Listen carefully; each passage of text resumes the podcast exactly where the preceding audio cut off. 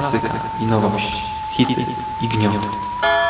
Wszystko co mroczne, straszne i tajemnicze znajdziesz na necropolitanblogspot.com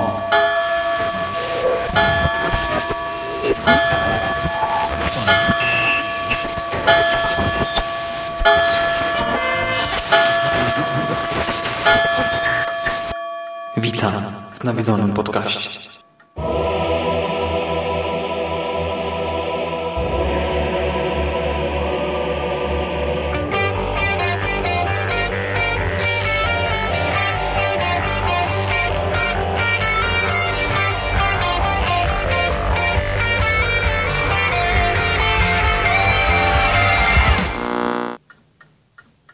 Sobota, 1 sierpnia 2020 roku. Słuchacie właśnie 301 nawiązanego podcastu na blogu Necropolitan, a po tej stronie mikrofonu wita się z wami pasożytnicza biomasa, czyli Szymas. Cześć wszystkim. Porozmawiamy dzisiaj o grze komputerowej, Właśnie nie tylko komputerowej, bo obecnej też na konsolach, choć nie wszystkich, o grze stosunkowo nowej, właśnie stosunkowo nowej. Jej premiera miała miejsce 23 lipca i ja zacząłem w nią grać praktycznie no, zaraz po tej premierze. I jest to dosyć niespodziewane w moim przypadku bo jak wiecie, raczej gier na premierę nie kupuję. Ja też jakoś za bardzo nie gram w ostatnim czasie. Ale tym razem zrobiłem wyjątek e, i zrobiłem wyjątek dla tytułu Carrion.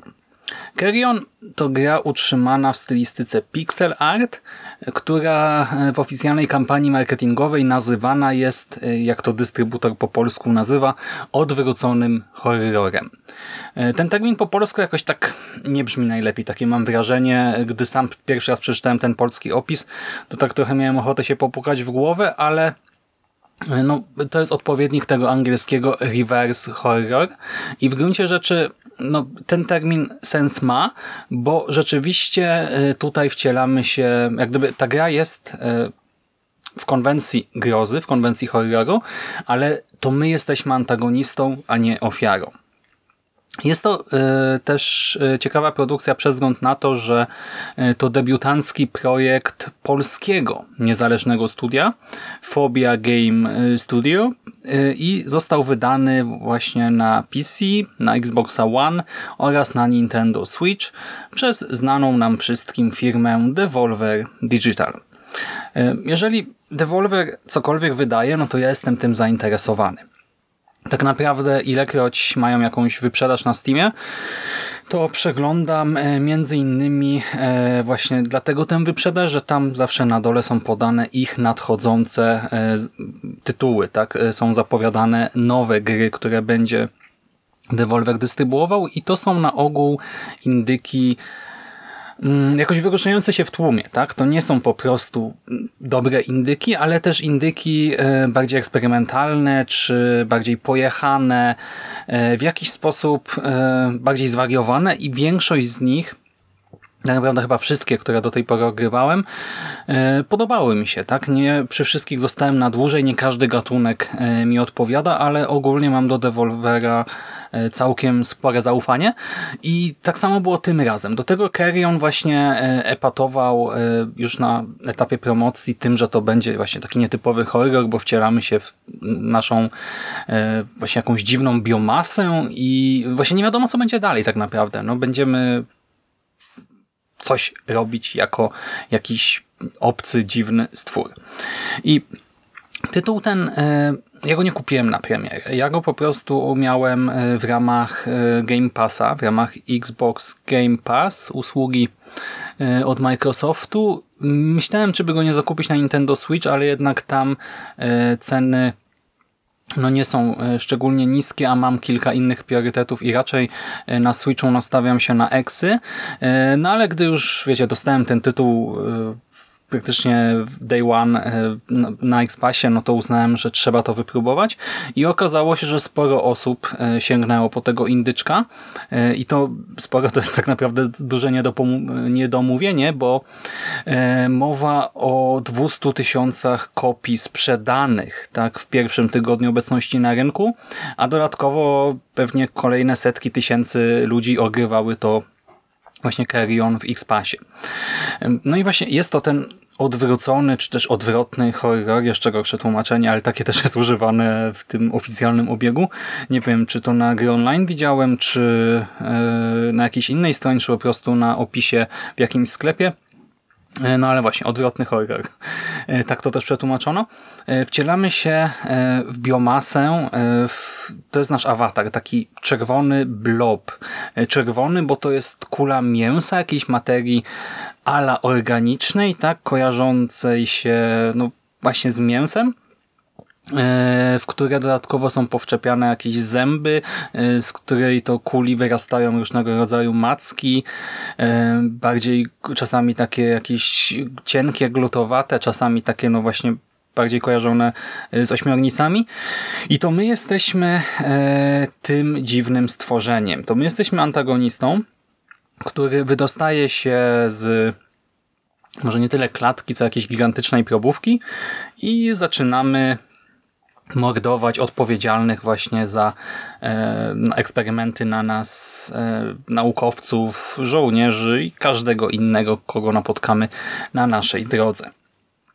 Fabuła tak naprawdę nie jest jakoś szczególnie skomplikowana, ale to nie jest problem, e, bo ta gra nie ma opowiadać jakiejś bogatej historii. Ta gra ma nam pozwolić poczuć się e, tą omnipotentną, y, dziwaczną, właśnie nieludzką, niehumanoidalną istotą i to się twórcom udało. Sam początek y, gry, gdy odpalamy Keriona, jest y, no niesamowity, bo na samym początku nasz stworek, nasz awatar jest jedynie no jak gdyby cząstką tego, czym sterujemy pod koniec gry. To jedynie takie, wiecie, bazowe, wyjściowe stadium, które jest też stosunkowo słabe, jak się później okazuje, a mimo to y, już od samego początku czuć moc, czuć potęgę, czuć, że jesteśmy y, właśnie czymś y, no niezwykłym, tak, że ten nasz awatar, ta nasza czerwona biomasa, mięsna kula, że ma niezwykłe możliwości. Do tego też to, co rzuca się w oczy, właściwie w uszy bardziej, to udźwiękowienie, bo słyszymy nie wiem, kraty, które wyrywamy. Tak, słyszymy dźwięk tych wyrywanych krat, gdy próbujemy sobie utorować jakąś drogę.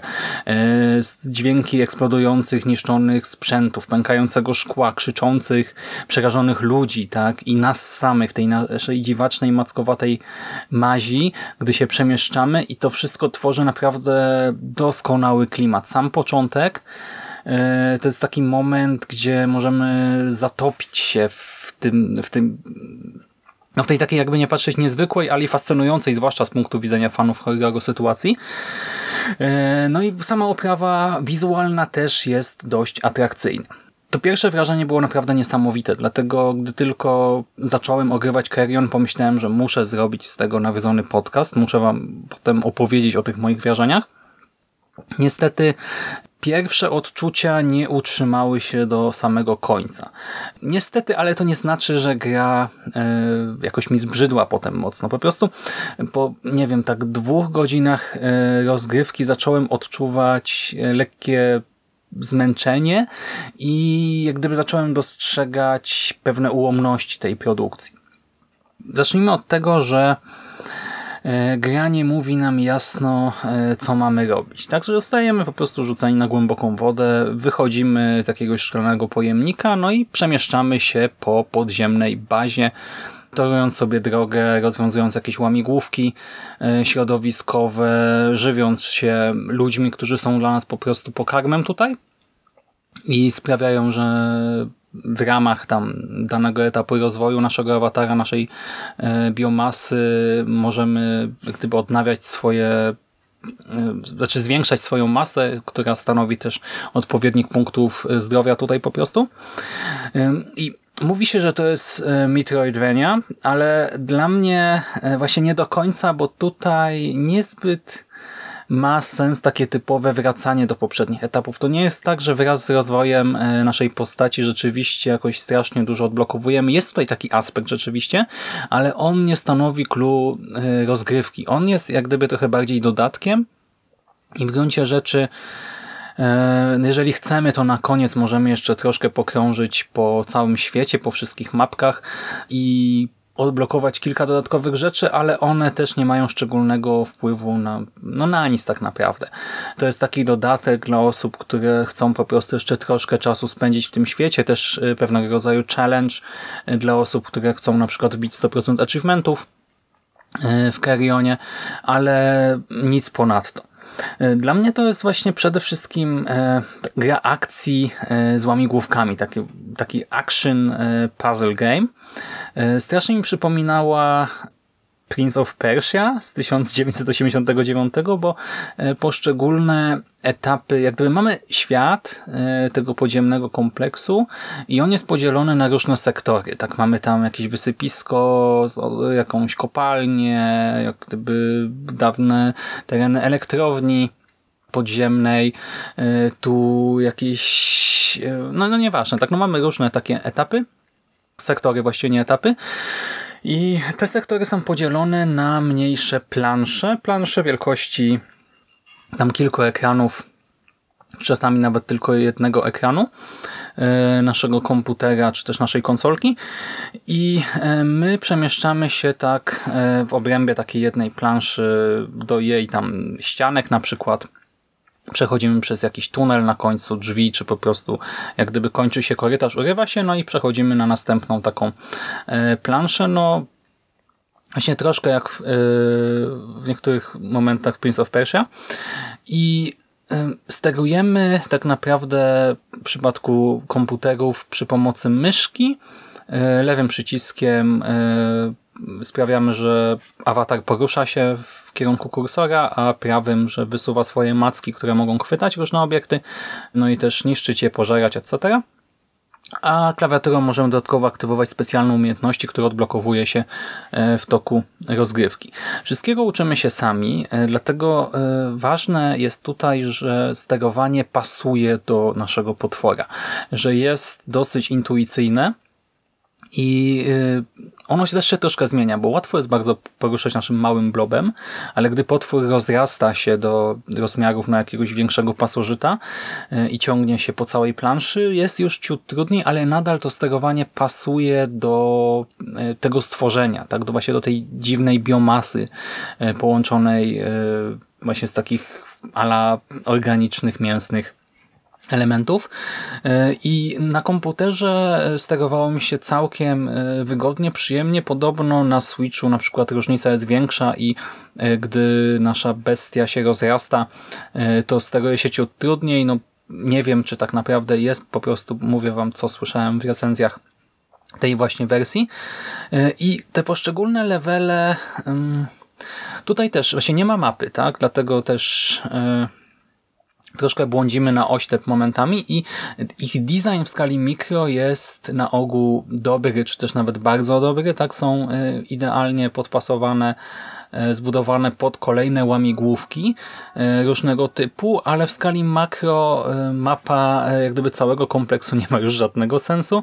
Nikt by czegoś takiego nigdy nie wybudował i ten ciągi pomieszczeń i korytarzy są jak gdyby zupełnie niefunkcjonalne, tak by się mogło zdawać i jakby stworzone właśnie pod te łamigłówki dla biomasy, a nie dla pracowników kompleksu. I dlaczego o tym mówię? Dlatego, iż przeżyłem pewnego rodzaju dysonans poznawczy w trakcie rozgrywki i łapałem się e, na myśli, że tak naprawdę nie mam pojęcia, jak e, dany etap e, miałby funkcjonować, tak jako e, miejsce prowadzenia jakichś tajnych badań, e, tajnych operacji wojskowych, etc. Jak dany ludzik miałby się na przykład dostać do konkretnego pomieszczenia, skoro jako ta właśnie omnipotentna obca istota która tak naprawdę no, nie przejmuje się na przykład grawitacją i która ma wiele różnych e, specyficznych zdolności, e, skoro my e, mamy czasem problem, żeby dotrzeć do jakiegoś miejsca, e, to jak mieliby tam dotrzeć zwykli pracownicy tego kompleksu? No ale wiadomo, tak? Tutaj ta gra nie stoi fabułą, więc można na to przymknąć oko. I em, to, co jest ciutkę też problematyczne i o tym właśnie mówiłem e, w związku z tym pewnym zmęczeniem, to fakt, że o ile pomieszczenia e, są w tym pixel arcie zaprojektowane naprawdę schludnie, ładnie, przyjemnie się na to wszystko patrzy, tak no jednak cały czas jesteśmy w tym podziemnym kompleksie i poszczególne plansze są trochę podobne do tych wcześniejszych, poprzednich. Czasem na przykład trafiamy do miejsca bardziej sterylnego, czasem widzimy jakieś właśnie podziemne złoża, jakąś kopalnię, czasem jakieś reaktory jądrowe, w innym e, sektorze więcej zieleni, też nierzadko trafiamy pod wodę. Tak więc twórcy dbają o to, by istniała tutaj jakaś różnorodność, ale ja osobiście czułem jednak pewną powtarzalność i mielenie na różne sposoby tych samych pomieszczeń, co początkowo absolutnie nie przeszkadza, ale e, już w tej, nie wiem, piątej czwartej, e, piątej godzinie rozgrywki, e, czyli pod koniec, e, no troszkę już mi się to wszystko przejadło. Przy czym no, trzeba przyznać, że ta oprawa jest naprawdę niezła, efekty gore wyglądają super i co istotne, one nie są obrzydliwe. To nie jest tak, że tutaj ta krew jakoś może sprawić, że kogoś zemdli. Wszystko jest bardziej umowne, ale jednocześnie mm, no, gdy nasza biomasa pożera naukowców y, czy żołnierzy, to rzeczywiście widać potem ślady krwi w różnych miejscach, y, widać te szczątki gdzieś tam się walające, takie symboliczne, tak pixelartowe, y, ale jednak właśnie udało się to jakoś tak wyśrodkować, żeby nie epatować, nie wiadomo czym, ale zarazem by było czuć, że jednak mam do czynienia z horrorem. I też e, na przykład woda czy mgła wypadają bardzo dobrze. Wyglądają naprawdę wspaniale.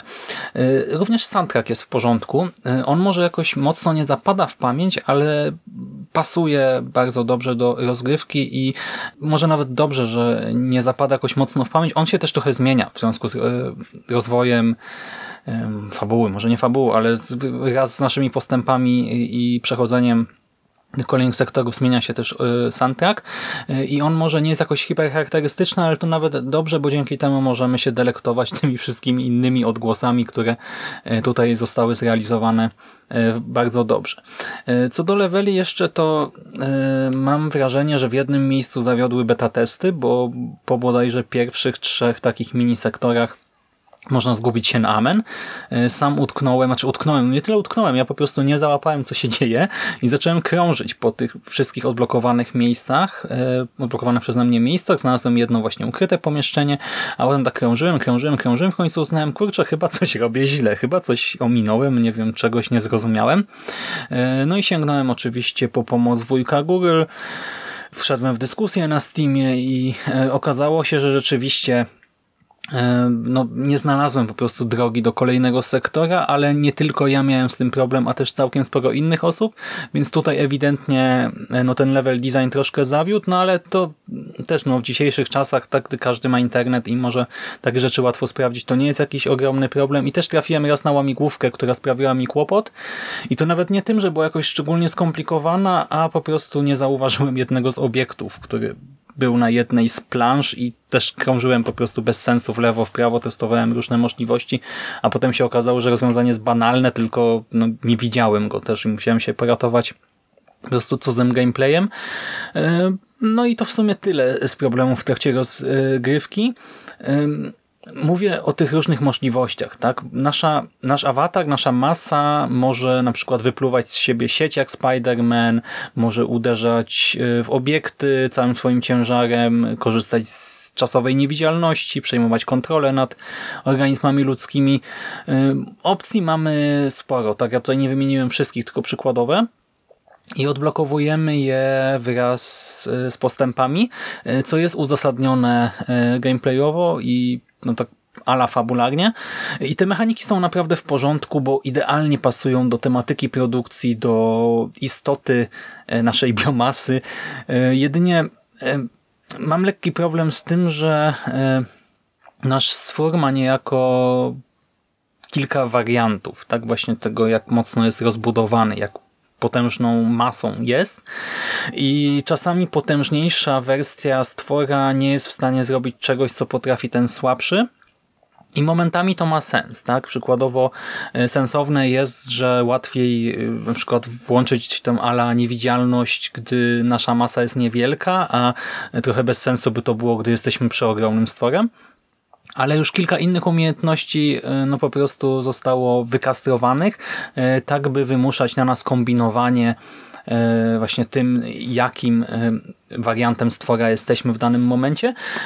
Gra więc zmusza nas przykładowo czasami, byśmy po wleceniu do jakiegoś pomieszczenia i po zobaczeniu łamigłówki udali się do specjalnego takiego czerwonego basenu i tam zrzucili troszkę masy, by przejść do innego wariantu stwora, następnie właśnie użyć y, konkretnej umiejętności, potem znowu się y, cofnąć ciutkę, przybrać masę, użyć innej umiejętności i momentami to gra naprawdę doskonale, bo y, ma to sens, sprawia jakiś tam fan, jest pewnego rodzaju wyzwaniem intelektualnym, ale czasami też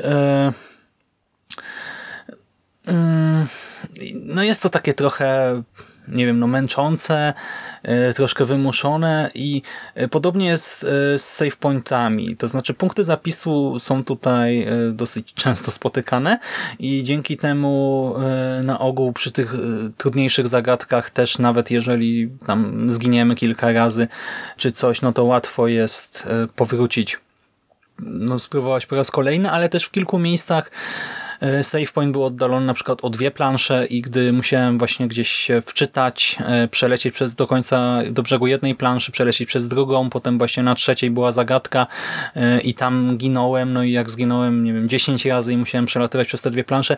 Ja wiem, że to nadal trwa raptem kilkanaście sekund, może nie wiem, kilkadziesiąt, ale gdy to się powtarza właśnie kilkukrotnie, to było irytujące i przy kilku takich trudniejszych momentach, gdzie łatwo zginąć, myślę, że ten save point mógł być umieszczony gdzie indziej, ale to nadal jest mimo wszystko e, no coś, co mnie nie, od, nie zniechęciło tak do kolejnych po prostu było lekko irytujące w danym momencie, e, więc pojawiały się pewne zgrzyty, tak? E, ta druga połowa gry nie była już tak wspaniałym, cudownym przeżyciem jak jej pierwsza połowa, ale mimo wszystko ja Carrion nadal całkiem mocno polecam. Mówię całkiem mocno, bo to absolutnie nie jest gra dla każdego. tak? No jeżeli nie lubicie łamigłówek, no to y, raczej się tutaj nie odnajdziecie. Y, jeżeli liczycie też na grozę, jakiego znaczeniu grę, która was przestraszy, no to też Carrion nie jest dla was. Ale jeżeli zastanawialiście się, jak to jest być właśnie takim stworem, jak, nie wiem, coś czy to z opowiadania, czy z filmu Carpentera, to myślę, że to jest idealna produkcja dla Was. Zresztą właśnie tutaj inspiracje e, Cosiem czy Blobem e, widać bardzo mocno w tej produkcji. E, zresztą no to pasożytowanie no to oczywiście przywołuje bardzo konkretne skojarzenia.